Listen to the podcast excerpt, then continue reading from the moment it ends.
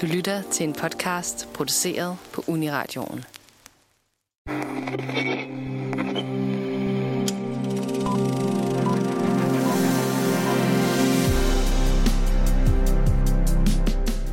Du kender ham som Arne, Svend Sved, Hanne Belektor eller Johan Struense. Ja, kært barn har mange navne, men man kan som dansker nok ikke kun undgå at kende til Mads Mikkelsen. Den erfarne skuespiller er blevet vores lille lands store stjerneskud, i både velroste danske klassikere og en højt farende succes i udlandet. Men hvad er det egentlig, der gør ham så interessant? Det vil vi gerne gå i dybden med i dag. Mit navn er Lennon, og med mig i studiet har jeg Sinead og vores gæst Christina, og vi vil sammen hylde manden bag de absurde tabere, de nervepirrende seriemordere og vores allesammens Mads Mikkelsen. Velkommen til filmmagasinet Nosferatu.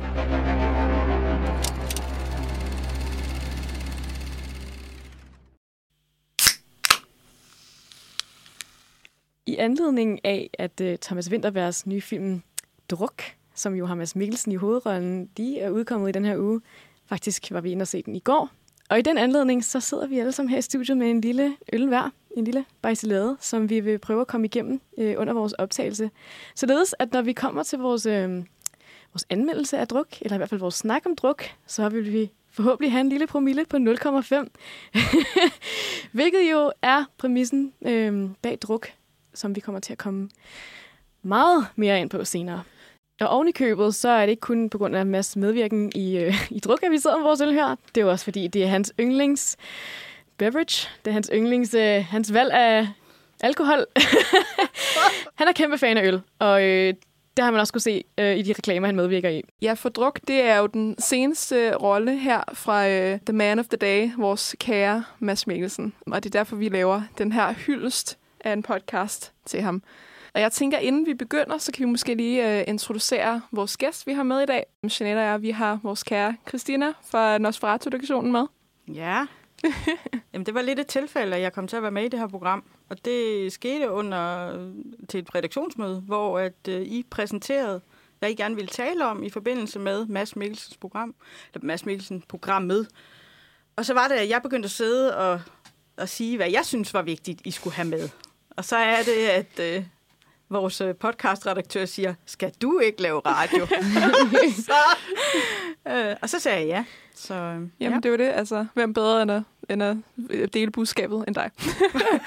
så, øh, men inden vi går helt i gang med, med at dykke ned i nogle af de, af de titler, vi, øh, vi tænker, der er relevante, øh, når man snakker om Mads Mikkelsen, så vil jeg gerne øh, høre jer, hvad, hvad jeres yndlingstitel, hvor Mads Mikkelsen er med i. At, hvad, hvad for en, der sådan rører jer, eller hvad, hvad, hvad, hvad kender I bedst til?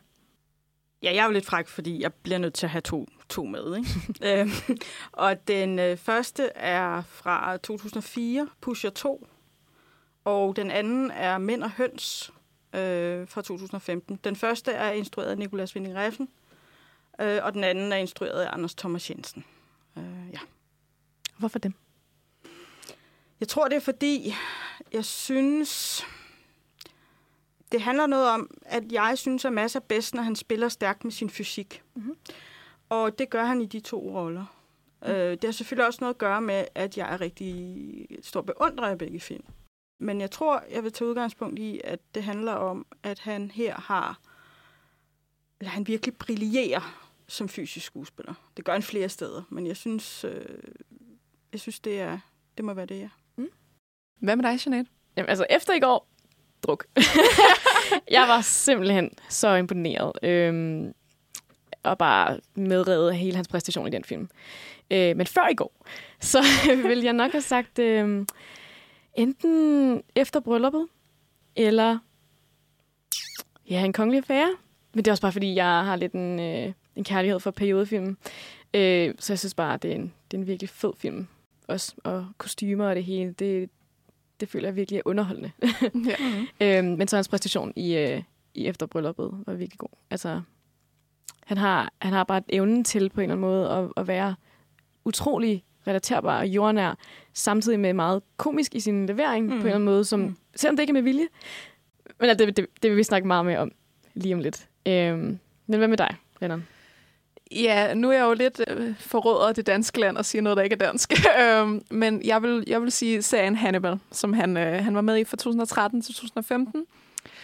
Jeg tror bare, der er et eller andet med ham, som sådan, du ved, en seriemorder, eller øh, som han er her, kanibal. Øhm, der er sådan lidt... Han gør det sgu meget godt med at være dyster, en lidt makaber type. Man er sådan faktisk meget interesseret i ham, men man er også ret bange for ham.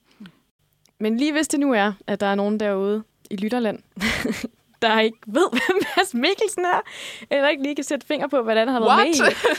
Så bare for lige at smide nogle titler ud, som man måske mm. vil kende ham fra, så er det for eksempel Rejseholdet, Pusher, Adams Æbler, Efter Brylluppet, Casino Royale, Flamme og Citronen, En Kongelig Affære, Mænd og Høns, og også som stemme i spillet Death Stranding. Så han, øh, han har været lidt omkring, og det er noget af det, vi vil dykke ned i nu i den, øh, den kommende time eller to.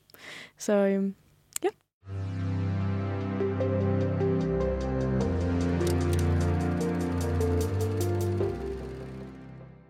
Jeg tænker, at vi, vi starter ud med måske lige få en øh, origin story fra, fra Mads Mikkelsen, og måske også lige hans, øh, hans breakout her i hans skuespilkarriere. Og det er faktisk, øh, Christina, du ved faktisk lidt om, øh, om det, ikke? Jo, altså noget af det, jeg synes er meget interessant omkring Mads Mikkelsen, det er, at han har en baggrund som akrobat, øh, og så dansede han, og han var faktisk også på et tidspunkt interesseret i at blive stuntmand. Og jeg læste for nylig et interview, det var i Information, at han havde aldrig regnet med, at han skulle komme til at sige replikker. Og det synes jeg var lidt, øh, lidt spændende. Han har også øh, spillet en masse teater. Han var blandt andet med i en teatergruppe, der hedder Dr. Dante, som øh, huserede i 90'erne og kom til at betyde rigtig meget for dansk teaters øh, udtryk. De ville gerne lave noget virkelighedsnært teater og noget provokerende og noget dramatisk. Og der spillede han også sådan nogle meget aggressive roller i den tid. Så vidt jeg forstår, så blev han først skuespiller som 30-årig. Efter en meget lang uddannelse som, eller ikke uddannelse, som en karriere som øh, teaterdanser, eller i hvert fald optræder. Ja. Hvis man kan sige det sådan. Hvilket da jeg fandt ud af den fakt, var jeg meget sådan, nå, okay. Fordi jeg har en, en idé om, når man er så succesfuld, som han er, Ja. så har man, man har været i faget i mange år, eller startet som, jeg ved ikke, børneskuespiller eller sådan noget. Det virker tit som den... Øh, Det, jeg har læst mig til, det er, at han faktisk blev... Øh, altså, han valgte det dramatiske. Han savnede det dramatiske i dansen. Altså, han... Eller hvad skal man sige? Han valgte dramatikken frem for dansen. Og det, jeg synes er så unikt ved ham, det er ligesom, om han på en eller anden måde har kombineret de to ting. Han har det der meget stærke fysiske udtryk, øh, men øh, og så samtidig også dramaet. Eller han bruger det i dramaet. Det, jeg synes, det skinner igennem med rigtig meget af det, han har lavet, Mm. faktisk. Og det er jo også øh, det her med, med, med, de, med det hårde og det dramatiske. Det er også øh, i nogle af hans, for eksempel hans, øh, jeg tror, jeg mener, det var hans helt store debut med, med Pusher, Mm. hvor han også, altså han spiller den her hårde type, kan måske også høre på navnet, Pusher. Øhm, og så også i, i Blinkende Lygtene, hvor han, hvor han spiller Arne. Så der var sådan, det er sådan lidt en start, hvor han, det er meget, meget fysisk, og sådan også lidt, øh, lidt mere dystre områder, han befinder sig i, ikke? Så man bliver lidt typecastet, som at være en, en hård negl. Ja, måske. Og det, det gør han måske også lidt i nyere tid, men, øh, men han, har, han har stadig formået at komme vidt omkring. Ja. Ja. Så det, det, det, det er ikke, fordi han, han lider under det. Ej. det. Det kan man ikke sige. Det er også nogle lidt utrærede roller. Mm-hmm. Altså, det er sådan nogle, han er jo altså, han er helt vanvittig Ja. i, ikke også? Og øh, man kan også, øh, noget, der også er spændende at snakke om, det er det her med, at Pusher startede hans samarbejde med Nicolas Winding Refn, som han jo har samarbejdet med i rigtig, rigtig mange år. Og også kom til at videreudvikle Tony-karakteren i Pusher 2, som jeg virkelig vil anbefale folk at se, hvis de ikke har set den. Og øh, Blinkende Lygter startede hans samarbejde med Anders Thomas Jensen. Og de har jo også arbejdet sammen i rigtig mange år, og også videreudviklet en form for karakter, han arbejder med der. Nu ved jeg faktisk en lille fakt om ham, øh, som er, at han har Bruce Lee og Buster Keaton som hans sådan, ikoner. Synes I, det er noget, man kan se i hans optræden? Altså, nu tænker jeg lidt det her med, at vi lige snakker om, at han, han i hvert fald startede ud som en hård negl. Måske har han også haft en eller anden vision om, at nu hvor han har så meget fysisk træning, at han kunne blive lidt Bruce Lee-agtig. Men det er også det, når, når det er sådan, han originalt forestillede sig, at han, han skulle være stuntmand. Ikke? Altså, ja. Så kan man helt klart se intentionen, der, der, der lå bag i starten. Ikke? Og det er han der også, ja, som du sagde, hold, hold fast i på en eller anden måde, selvom han, han også siger replikker. Heldigvis. Ja, det er rigtigt nok. Ja. Men ja, nu, var vi, nu har vi jo lige snakket om, hvordan han, er, han øh, i hvert fald startede ud som en hård nej, eller måske blev det type, typecastet som det i starten. Øhm, men Mads er jo en utrolig alsidig skuespiller. Det synes jeg faktisk lige, vi skal prøve at komme lidt mere ind på de forskellige områder, som for eksempel hans, hans rolle som komiker.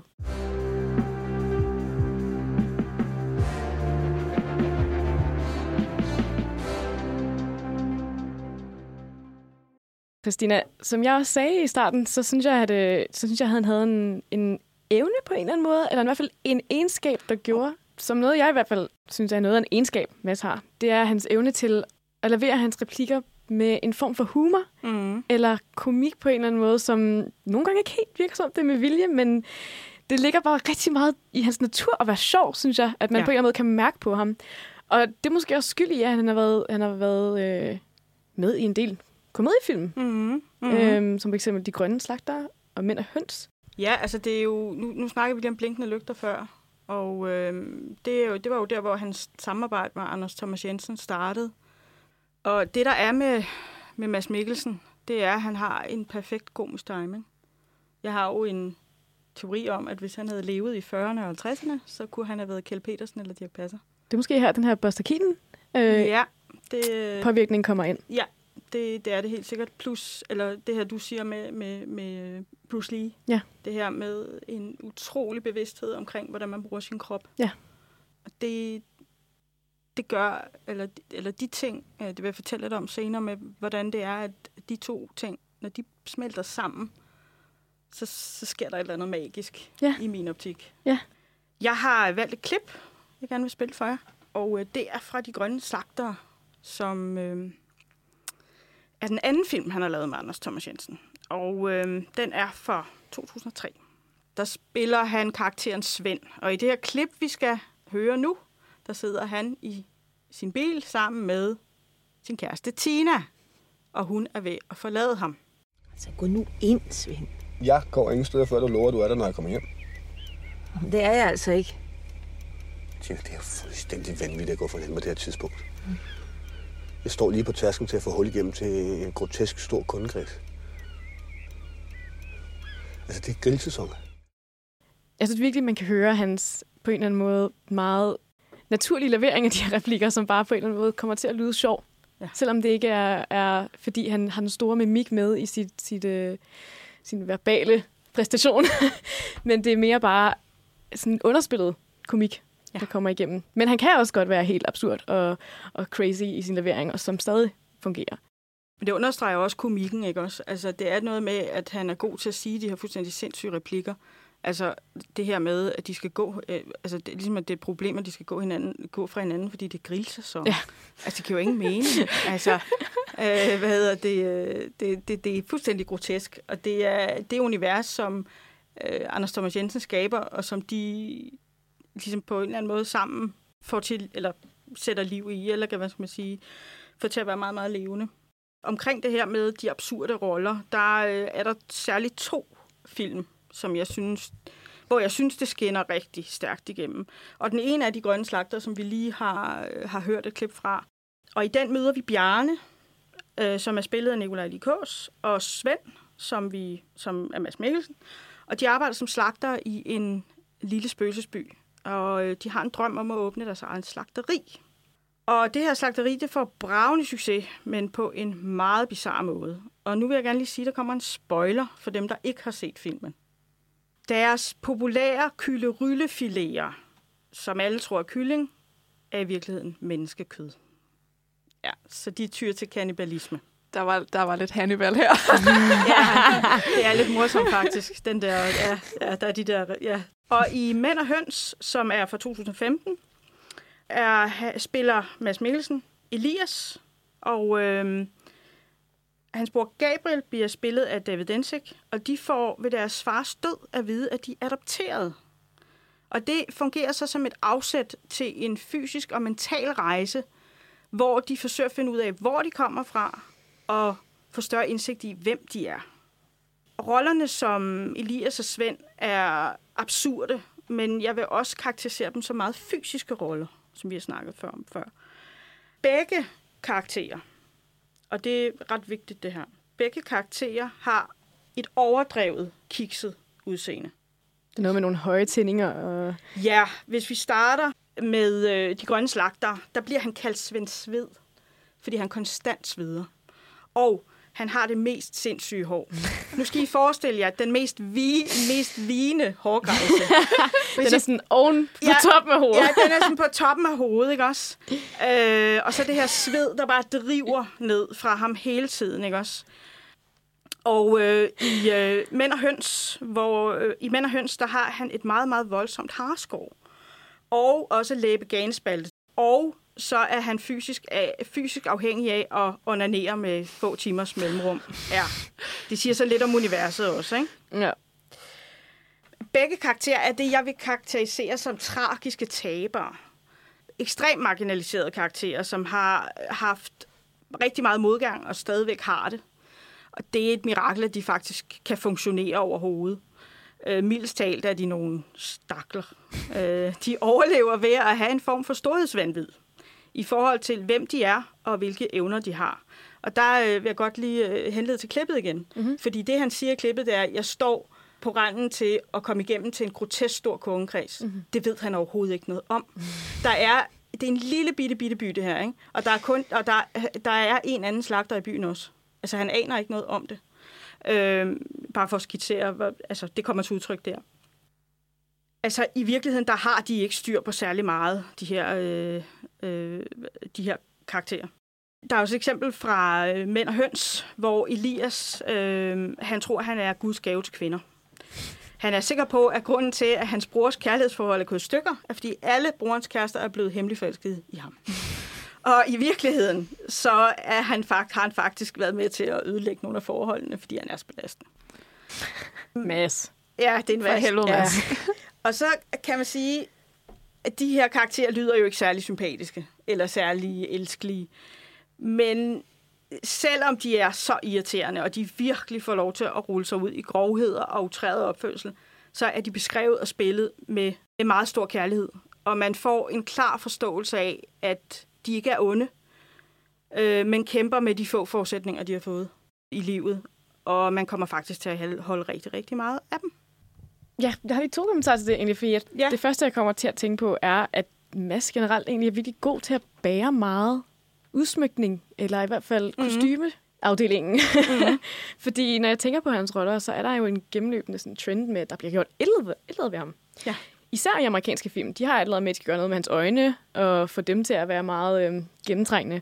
Og så har han også erfaring med øh, en kongelig affære, hvor han jo har periodekostymer på hele tiden. Øh, eller som du siger, sådan forskellige hår eller harskår. Så sådan, han er mm. ikke bange for at ændre sit udseende, eller, eller på en eller anden måde have det som noget skulle spille igennem. Fordi jeg tænker, at der er mange skuespillere, som måske kan føle, det er måske en forhindring at, mm. at blive skjult så meget, eller blive ændret så meget, fordi så trænger deres, deres præstation måske ikke lige så godt igennem. Men, men det kan Mads i hvert fald gang på gang, det har han i hvert fald bevist, at han godt kan, han godt kan bære. Øh, hvilket jo er en, et talent i sig selv, på en eller anden måde. Men så også det her, du nævner med hans evne til at være sympatisk. Og, og- eller på i hvert fald få hans karakter til at virke sympatiske for os. Og det synes jeg nemlig også, Mm. Det, det træder igennem hans evne til at være så nede på jorden. Altså, jeg føler, når jeg ser Mads Mikkelsens skuespil, så ser jeg en, en virkelig person. Øh, på trods af, hvor absurd hans roller er. Og så kommer jeg også til at tænke på, at han som, at han som komiker Mhm. kan være både en underspillet form for komisk person, men også totalt ridiculous på mange områder. Altså sådan, hvis man kan sige det.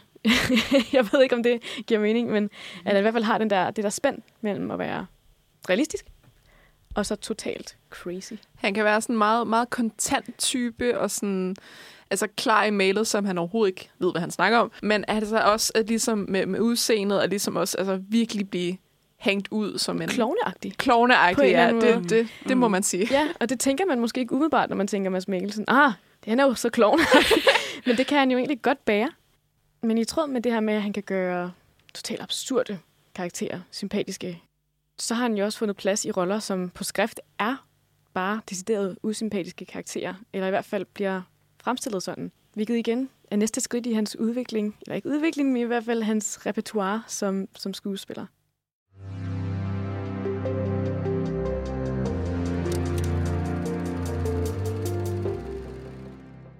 I 2012, der, øh, der laver Mads faktisk øh, to film, som jeg gerne lige vil nævne. Og det er En kongelig affære og Jagten. Og hvis vi lige starter med En kongelig affære, så handler det jo om en, et trekantsdrama, hvis man kan kalde det det, mellem den tyske livlæge Johan Friedrich Struensee, kong Christian den 7. og dronning Karoline Mathilde. Og her er det så, at Mads han spiller Struensee, Og Alicia Vikander og Mikkel Bo Fylsgaard spiller Karoline Mathilde og kong Christian den 7. Og i den her film, der, øh, der sker der noget, noget lidt anderledes end en masse normale roller, fordi her spiller han en rigtig person. En person, der rigtig har eksisteret. Og det er en historie om en person, som man godt kan kalde lidt usympatisk, øh, fordi han bliver jo lidt fremstillet som en forråder til, øh, til sin ven, kong Christian den 7. og sit land på en måde, da han begynder at have en affære med dronning Karoline Mathilde, samtidig med, at han på en eller anden måde får mere og mere kontrol over, øh, over kong Christians herredømme over Danmark, øh, hvilket jo kulminerer i en revolution på en eller anden måde. Men jeg undersøgte lidt, hvad, det, hvad Masses holdning til det her var, fordi som sagt, det er jo første gang, han spiller en rigtig person, og, og på en eller anden måde laver et portræt af nogen. Og det synes han, at han... Øh, ja, der var nogen, der havde interviewet ham inde ved Rigsarkivet, og var sådan, yes, nu har vi jo en masse materiale om ham, og det, det er jo ikke fordi, der, der ikke er noget at, at lære af her. Og sådan som Mads selv fortæller det, så at, synes de selv, det er en næsten nøjagtig portrættering af Struense, dog med noget, nogle, nogle øh, friheder taget, så, øh, så de er i hvert fald kommet så tæt på, som, øh, som de føler er en, en retfærdig øh, portrættering af ham. Og så synes jeg, at Mads kom ind på noget meget interessant, hvor at, øh, det har alt sammen ligget ret langt væk fra ham der, fordi nu har han læst rigtig meget om Struense, og det kan man jo gøre med en masse fiktive personer, indtil han rent faktisk, øh, fordi at nu ender den kongelige affære jo med, at Struensee bliver halshugget på grund af sit forræderi og sin, sin misbrug af magt. Og det skete jo også i virkeligheden, og der var det, at Struensee han bare, bare rundt på sådan en halserklæde. Og lige før han skulle øh, halshugges, så tog han halserklædet af. Og det, var så, det er så noget, man stadig har inde på Rigsarkivet, som øh, Mads fik lov til at se og røre ved. Eller, uh, jeg ved ikke, om han rørte ved det. det gør han nok ikke. Men i hvert fald på en eller anden måde at få substantieret den her, den her karakter, som, som til siden godt kunne bare på papiret være fiktiv. Ikke? Det rørte ham virkelig. Altså, det gjorde virkelig noget ved ham, og, og på en eller anden måde få gjort den. Hvilket jeg synes var, var virkelig en, en fed måde at håndtere den her rolle på. Altså, at, at han var så ærlig igennem det. Øh, ærlig med det. Men ja, så var der jo også Jagten, som også var 2012, hvor, at, hvor at Mads, han spiller Lukas, som øh, bor i en lille dansk by, og han er ved at, ja, han er ved at få styr på sit liv efter at have gennemgået en, en skilsmisse, og så arbejder han øh, til daglig i en børnehave. Og der er det så, at der begynder at blive, øh, blive spredt nogle rygter, eller i hvert fald et, øh, en, en løgn, om at han skulle have seksuelt misbrugt øh, sin bedste vens datter. Og det er så et rygte, eller løgn, hvad man vil kalde det, der, der, der hurtigt løber løbsk, og øh, gør, han til, gør ham til den her øh, helt. Eller øhm, en person, hvor jeg kan i hvert fald huske, at jeg så den første gang, var jeg ikke helt sikker på, hvad der var sandt og falsk. Og jeg havde sådan lidt den her sådan, afstand til karakteren, for jeg blev ved med at tænke, men hvad nu hvis han rent faktisk havde gjort det? og at vi bare får en, en utroværdig fortæller igennem hele den her historie, sådan så vi, sådan så jeg følte mig ikke sikker i positionen om, at jeg skal have sympati med ham, så jeg blev næsten sådan, jeg tog sårene på forskud og var sådan, ej, jeg kan ikke stole på ham mere. Jeg, kan ikke stole. jeg vil lige om lidt, så bliver det fortalt, at det hele er rigtigt. Så der var det en karakter igen, hvor men sådan, det, er ikke, det er ikke lige for en, man holder med, eller i hvert fald meningen, man skal holde med. Men ja, jeg havde i hvert fald den her forestilling om, at han var en meget usympatisk, ja, følelse af, at han, havde, at han var en meget usympatisk karakter. Og jagten er jo instrueret af Thomas Winterberg, og jeg tror også på en måde, det har været intentionen, men ikke i den forstand, jeg har set ham som at være usympatisk. For Thomas Winterberg har nemlig snakket om, at, at øh, Lukas i den her rolle måske symboliserer en, en person, der ikke tør stå op for sig selv, og som bliver trådt på rigtig meget. Og at han på den måde er en, er en usympatisk karakter, fordi man har bare lyst til at ruske i ham, og på en eller anden måde få ham til at, at, at ja, have en, en stemme, og det det, det får han også i filmen, men det, det er meget hen mod enden. Øh, og vi har faktisk et klip af, hvor at, øh, Lukas har noget at sige. Vil du sige noget til mig? Hold op, Lukas. Vil du sige noget til mig? Hvad? Kom nu! Hold op, Lukas. Tag det roligt. Helt by står og hører på dig, mand. Tag det roligt, ikke? Sig det! Tag det roligt. Så kig lige ind i mine øjne. Kig ind i mine øjne. Hvad kan du se? Kan du se noget? Hvad siger du? Hvad? Ingenting. Ja, her det er, øh, hvor vi hører Lukas. Han sidder i julegudstjenesten, og han sidder alene på en bænk, for der er ikke nogen, der vil sidde sammen med ham, på grund af de her, øh, det her, den her ting, der, der, der er spredt om ham. Og det ender så med, at han, han midt i, i koret, han går hen til sin, øh, til sin ven og, øh, og vennens kone, som han kan se, at de sidder og visker til hinanden.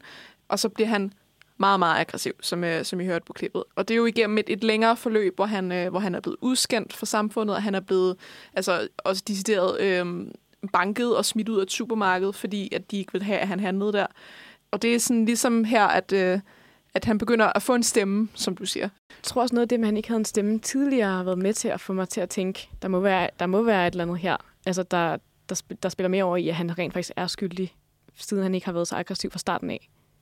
Det, det er sjovt, når I fortæller her, fordi jeg har sådan en helt anden opfattelse af det. Mhm. Og jeg, altså for mig, der handler den rigtig meget om, hvad der sker i et lille samfund, når øh, sådan nogle rygter bliver, bliver spredt. Ikke? Altså det hele det starter jo med, at den her lille pige fortæller øh, lederen af børnehaven, hvad det er, hun har været udsat fra, for. Men der er ikke nogen, der ved, om det er rigtigt. Men de har allerede dømt ham. Mm-hmm. Og det, det, det, det er det, som den handler om for mig. Det her med, hvad er det, der sker i, i sådan et lille samfund, når at, at, øh, det, at, at en bliver mistænkt for noget, jamen så bliver han nærmest allerede dømt Mm-hmm. fra starten af. Og det her med, at han, han ikke reagerer, det tænker jeg meget handler om, at han...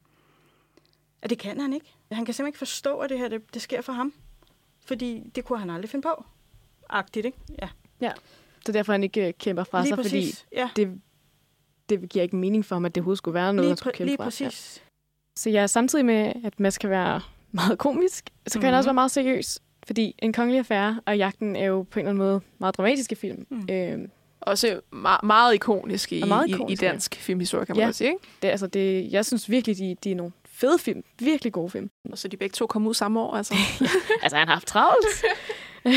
Så fik han jo også den, den flotteste skuespilpris, man overhovedet kan få i verden for jagten. Nemlig de gyldne palmer i Cannes for sin præstation. Velfortjent. Øh, og og det, det tænker jeg, det, det er jo noget af det, der viser, at han er så mangefacetteret. Altså han er både respekteret inden for, for hvad skal man sige, den mere sådan smalle og, og mere sådan fine filmkunst, eller ku- filmkunsten. Der er han også respekteret. Han Ja. er også respekteret, ja. Og det vil sige, at han er jo ikke kun respekteret i Danmark. Han er også et internationalt ja. ikon. Ja.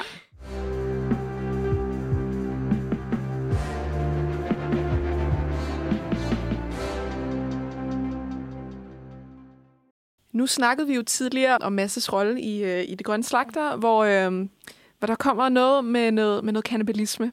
Og det er faktisk gået igen i hans karriere, i forhold til, at han er med i den her serie, der hedder Hannibal. Og hvis man ikke ved, hvem Hannibal er, så er det Hannibal the Cannibal, Hannibal Lecter. Og det her, det er så en, øh, en, en series version af karakteren, og hans, specielt hans forhold til, til en politibetjent, Will, som spilles af Hugh Dancy. Og det er så selvfølgelig Mads Mikkelsen, der spiller Hannibal. Jeg synes virkelig, Mads han kan noget med, øh, med de her sådan lusket karakter, en lusket karakter, kan man sige. Men, men øh, det er også en, det er en karakter, der, der er skræmmende, men samtidig så vil man gerne vide mere om ham, hvis det giver mening. Altså det er sådan, man vil gerne komme tættere ind til benet, men man er ikke sikker på, hvad det er, man vil finde. Og det, er sådan, det, det synes jeg virkelig gør, at Hannibal er sådan noget helt stort i, han, i hans øh, repertoire. Og så er det jo også her, at han begynder at på en eller anden måde få sin nye typecasting, som jo er den internationale skurk. For ikke nok med, at han jo bliver den lidt luskede Hannibal, så har han jo også roller i Casino Royale og Doctor Strange, og som for eksempel i spillet Death Stranding, hvor han også er den skurken med den sjove accent. ja, fordi det er, jo, det er jo en rolle, som på en eller anden måde passer meget godt til ham. Ja, det vil jeg da også sige. Jeg har faktisk et lille klip med fra, fra Hannibal selvfølgelig. Og det her det er faktisk en af Hannibals første møder med, med den her politibetjent, som, som jeg vil sige, hele sagen faktisk handler om, om deres relation til hinanden. Og det er jo her, hvor, hvor Hannibal Lecter, han har faktisk, han har faktisk noget frokost til den her politibetjent.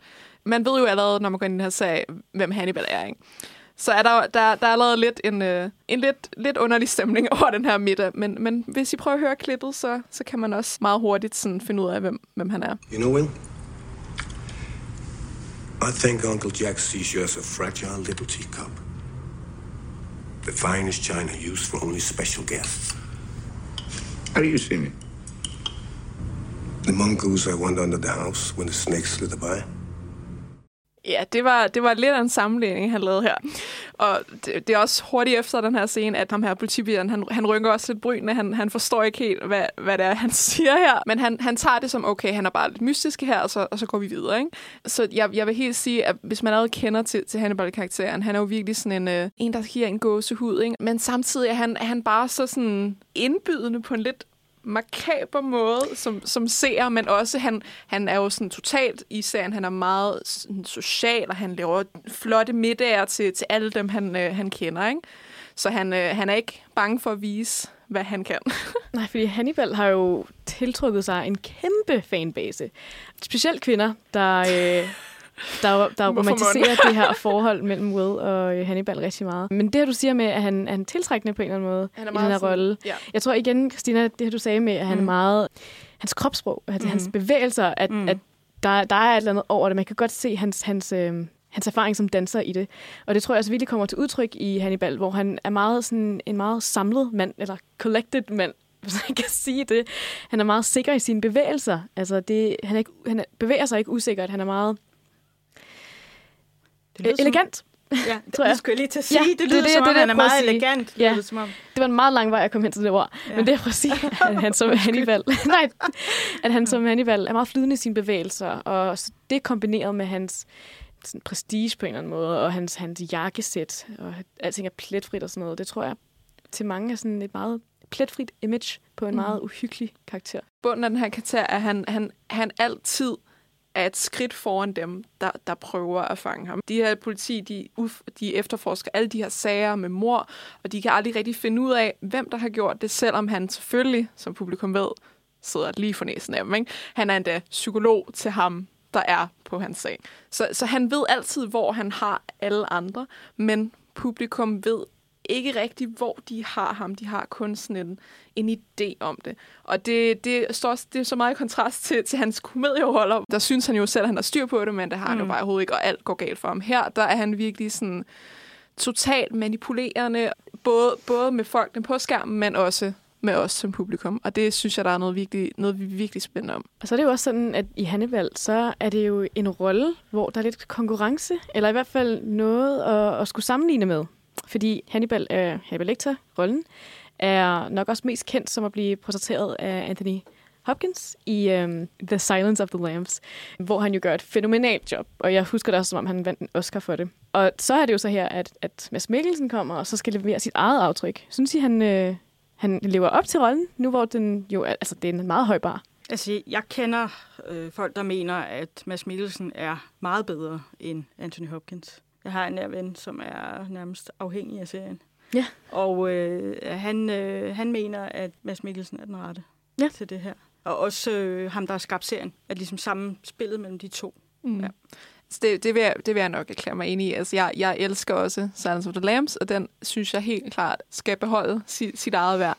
Men jeg synes også, altså sådan, de giver hver deres, deres eget egetryk. Jeg synes bare, der er noget med Mads Mikkelsen og hans, øh, hans helt kolde, men samtidig rigtig indbydende mm. måde at være på. Og også især, når, når han laver mad. Man ved, man ved godt, hvad der er tale om her. Men alle de der fine detaljer og den klassiske musik, det er så lækkert. Og så alligevel, ikke? Mm-hmm. Jeg, tror, jeg tror for mig er det svært at sammenligne dem. Jeg, tror, jeg, synes, jeg Ja. synes, de begge så gør det suverænt godt, men på hver deres måde. Mm. Det, det er hver deres, øhm, deres version af Lektor, ikke? Men i forhold til det her med at have ham som den her internationale skurk, så er det jo sjovt, at han i mange af hans udenlandske roller bliver set som at være ond.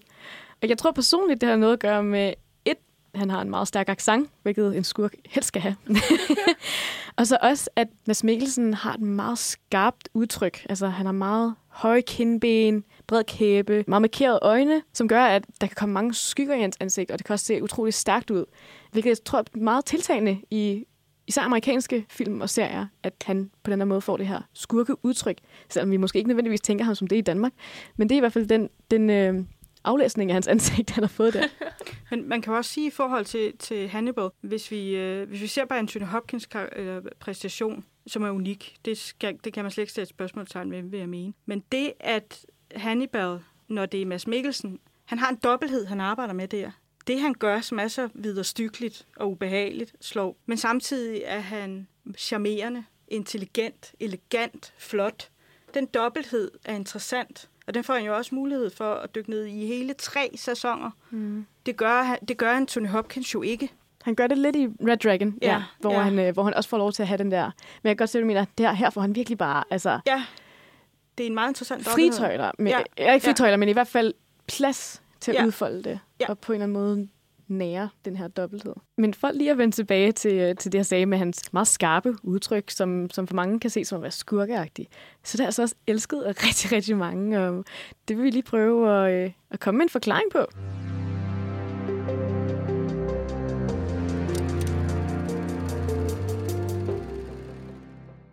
Nu har vi jo snakket her om Hannibal og den, den store succes, den har. Så vil jeg sige, at Mads Mikkelsen han har også fået lidt succes med, med at være lidt af et sexsymbol.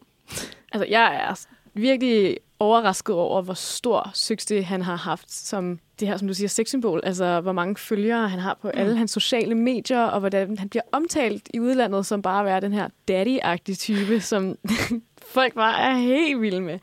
Altså, helt til det punkt, at han jo er blevet kåret som den mest sexede mand i, øh, af danske kvinder. Og, og jeg tror også, han har været med på nogle lister i udlandet. Jeg synes i hvert fald på mange sociale medier, at han ofte bliver bragt op og, og refereret til. Mm. Og så er det, der er mange, der kalder ham den her lidt sådan ugly hot, eller... Sexy ugly. Sexy Und, Undskyld mig også. Jamen, nej, men det er mere det der ja. med, at sådan, man kan ikke helt sætte finger på, hvad det er. Men det er der i hvert fald nogen, der har prøvet på. Jeg har for eksempel et klip med her af en meget kendt YouTube-kanal, som har virkelig gode, dybtegående analyser af sådan, populære skønhedsidealer, og hvorfor de er, som de er, og hvorfor det er, at vi aflæser folks ansigter til at være enten tiltrækkende eller utiltrækkende. Og der, der snakker han lige lidt om, om øh, dimensionerne i Masses, eller Matses ansigt.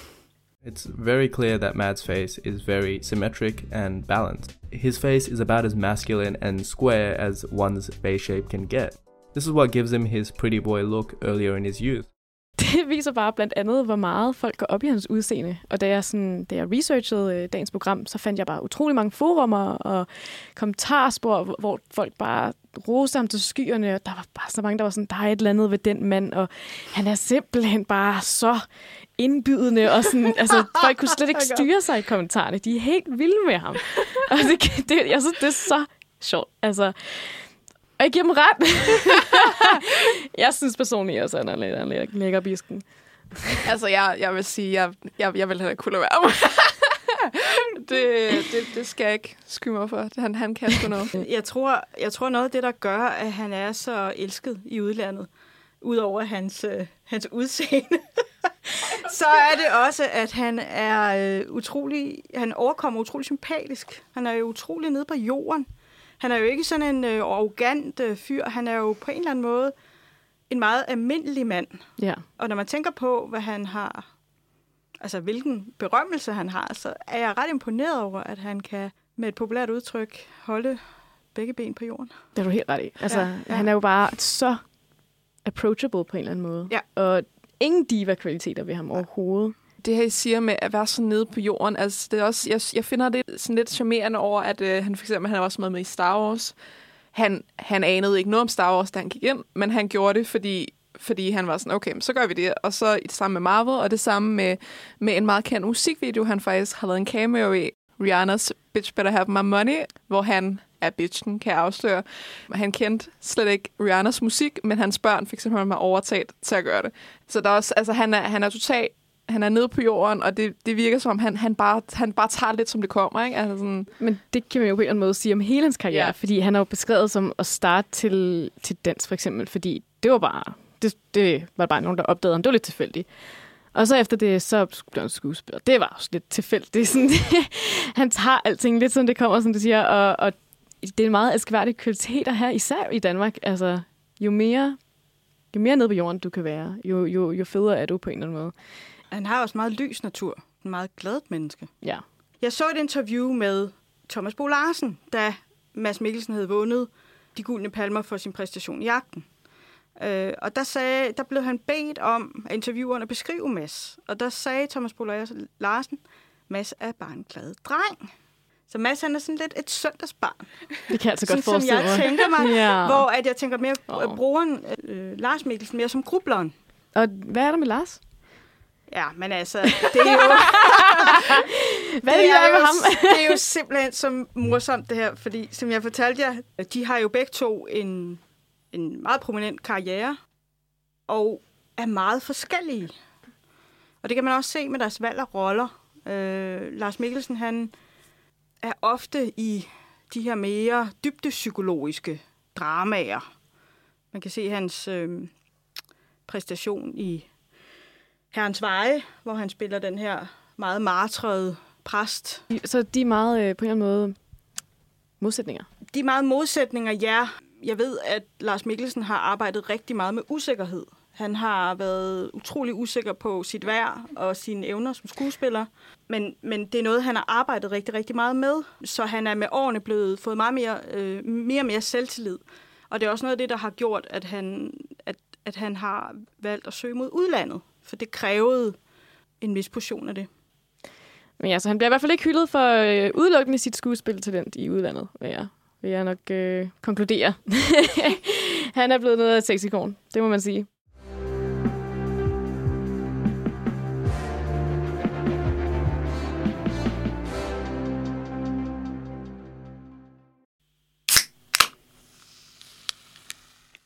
nu er vi jo nær vejs ende, og kommer egentlig til, til grunden til, at vi i hovedet fik den her idé om at lave en, øh, en hyldest til vores, vores kære Mads Mikkelsen. Og det er jo fordi, han er biografaktuel lige nu med Druk, instrueret af Thomas Winterberg. Tror I, vi har nået en promille på 0,5? Det føles øh... som om, det er tæt på. vi har det i hvert fald sjovt, det, kan man sige. ja. Men, altså, øh, i druk, så, øh, så møder vi jo Mads i rollen som, øh, som Martin og tre af hans venner, der bliver spillet af henholdsvis Thomas Bo Larsen, Lars Rante og Magnus Milang, som alle fire arbejder som gymnasielærer, hvor at Mads han arbejder som historielærer. Det, det er jo de her sådan, øh, midt, midt, midt i livet, og, og, og det er sådan lidt, lidt kedelig tilværelse, man bliver præsenteret med, at livet går sin gang, og de har egentlig ikke gang i så meget. Og så til, til en fødselsdags middag, så, så er en af dem, han nævner den her teori om, at mennesket er født med en halv promille for lidt. Og så tænker de, det skal vi da prøve at, at se, om det er rigtigt. Så tænker de, alkohol, det er kuren. Ja. Det er kuren det... mod vores tilsyneladende meningsløse liv, som bare er de er kommet ind i en eller anden trumle, som bare føles endeløs og uden formål. Og det håber de jo, at den her halve promille vil kunne ændre på.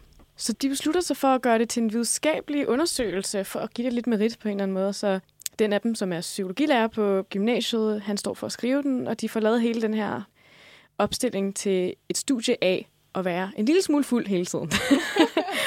og hvordan det går, det er jo noget, man skal se filmen for lige at finde ud af. Jeg vil sige, at det er en film, der byder på både humor, mm-hmm. men også en del hjertesorg og mere dramatisk side af masser af skuespil. Jeg så en del af anmeldelserne i går, og den er jo blevet utrolig positivt modtaget. Og jeg er jo rigtig spændt på at høre, om I er enige i det. Ja, men jeg må jo klæde mig enig i den ros, fordi, undskyld sprog, hold kæft, den vild. Altså, jeg er stadig begejstret.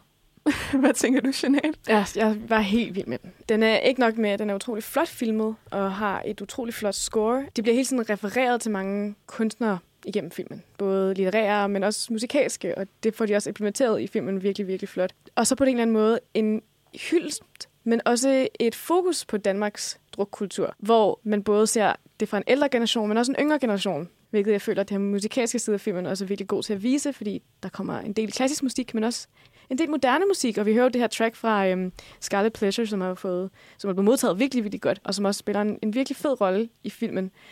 Men jeg får lige vendt tilbage med det her, dens fokus på Danmarks drukkultur, så synes jeg, det er en virkelig fin måde at håndtere det på. Fordi den løfter ikke nogen pegefinger, som jeg føler, at der er mange, der kan komme til at gøre af Danmark. Nej, vi drikker jo så meget, og det her, det her land er jo fuld hele tiden. det synes jeg ikke, den siger. Men den har måske mere et budskab, der peger på noget med at, at gøre ting med måde. Og det jeg i hvert fald fik fra filmen, at man kan fejle. Det synes jeg bliver vist på en virkelig smuk og virkelig betydningsfuld måde i filmen. Jeg synes virkelig, at den var befriende på en eller anden måde. Ikke? Og det er også med ligesom det her med at tage det med måde, og de her hovedpersoner, de tager jo den her alkoholforsøg som, som en måde at komme igennem dagen, som en måde at sådan kunne forbedre deres hverdag. Og den finder sådan, sådan i et midtpunkt, hvor den ikke er sådan, åh, I skal stoppe med at drikke lige nu, men den er heller ikke sådan, at I skal bare drikke hele tiden, og det er så fint. Den er ret alsidig i sit udtryk. Ja. Jeg tror, der er mange, der hurtigt vil kunne tro, at det handler om en lektie omkring det at drikke, mens det faktisk mere er et studie af en gruppe mennesker og deres liv. Så hele det her druk-tema er jo ikke så meget det, der har den afgørende faktor for filmen.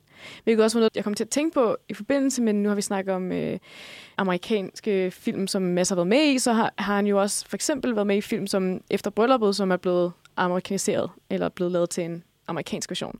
Og det tror jeg bare ikke er muligt med druk, fordi det netop er så dansk, bygger virkelig på danske værdier og en dansk forståelse af det at drikke, og det at drikke med måde.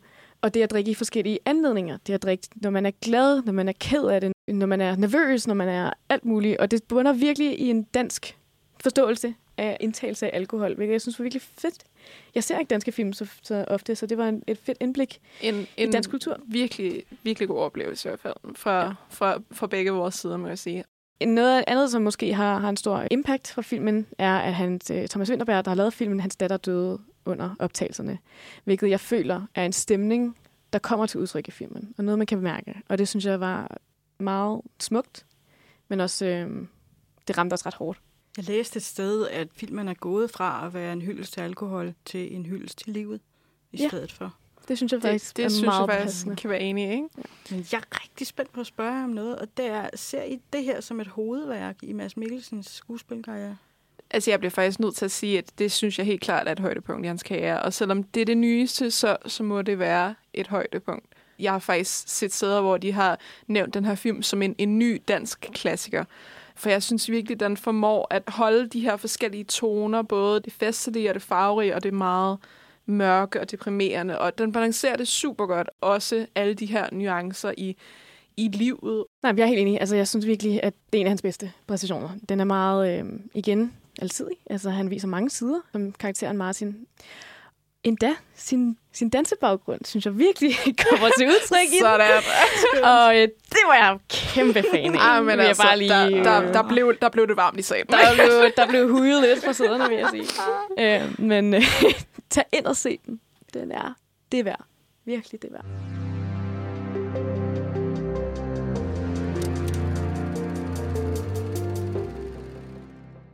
Nu har vi jo snakket om, om alle de her mange ting, som Mads Mikkelsen har lavet, og hvad han kan, og hvad han har gjort. Så skal vi måske også lige se, øh, hvad kan vi glæde os til i Mads-universet i fremtiden?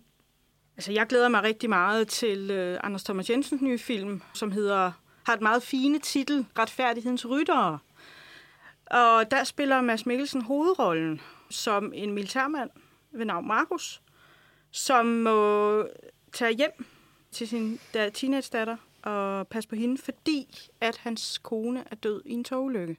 Så finder man ud af, at det måske ikke var et uheld, og det er der en masse med. Men det, der er lidt spændende ved den her, det er, at han har samlet en masse af de skuespillere, som er med i, i de andre film. Anders, andre, Anders Thomas Jensen-film.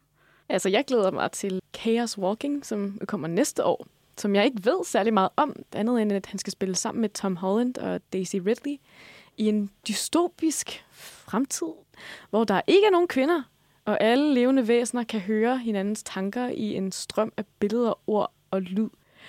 Så er det med, at han skal spille en karakter, der hedder Mayor Prentice, og jeg, jeg, jeg er så spændt, fordi jeg ikke ved noget. altså, jeg synes virkelig, at nu hvor jeg ikke ved så meget om den, så er jeg mere sådan... Der træder han, i, han igen jo i, i en lidt skurkerolle, måske. Hvem Muligvis. Det, altså, det... jeg vil ikke være overrasket, vil jeg sige. Men det, det er i hvert fald et eventyr sci-fi film, som udkommer næste år, som bliver instrueret af Doug Lyman. Så der er noget at glæde sig til for øh, mass entusiaster. Og hvis du ikke kan vente til de her to titler, så du kan jo altid fange ham i Carlsberg, hvor, han, hvor han cykler gennem København med den grønne dåse. Så det, der kan man altid stole på, at man har ham. Lige en sidste bemærkning. Nu vi snakket om Mads, der er dansker. Så skal jeg lige spørge. Har I set ham? Jeg har faktisk set ham. oh my god.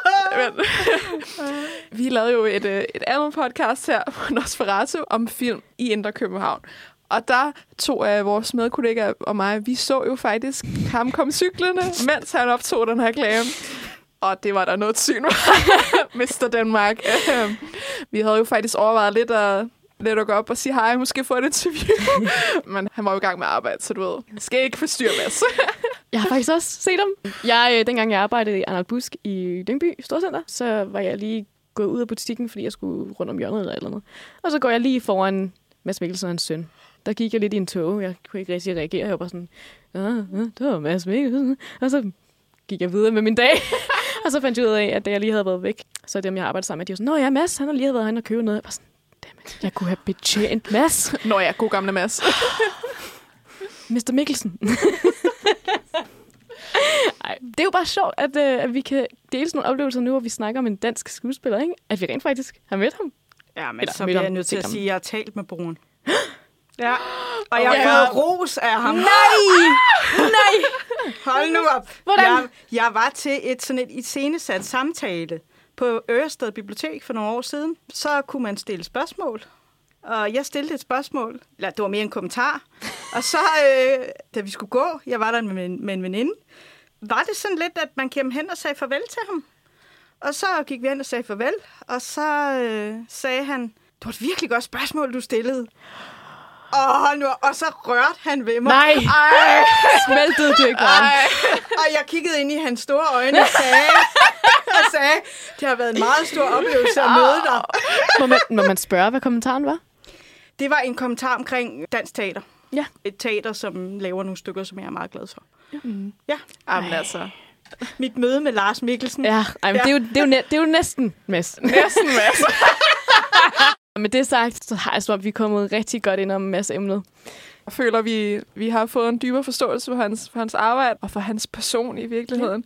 Hvis du lytter til det her, Mads, så øh, du er fandme elsket. altså, bare Vi fortsæt. elsker dig, Mads. Bare fortsæt arbejdet. Du er Danmarks guldklump. Også Lars. øhm, og jeg tror med det, så øh, vil vi gerne sige tak for i dag herfra. Vi håber, at I har nyt den her lille tur rundt i Masses verden.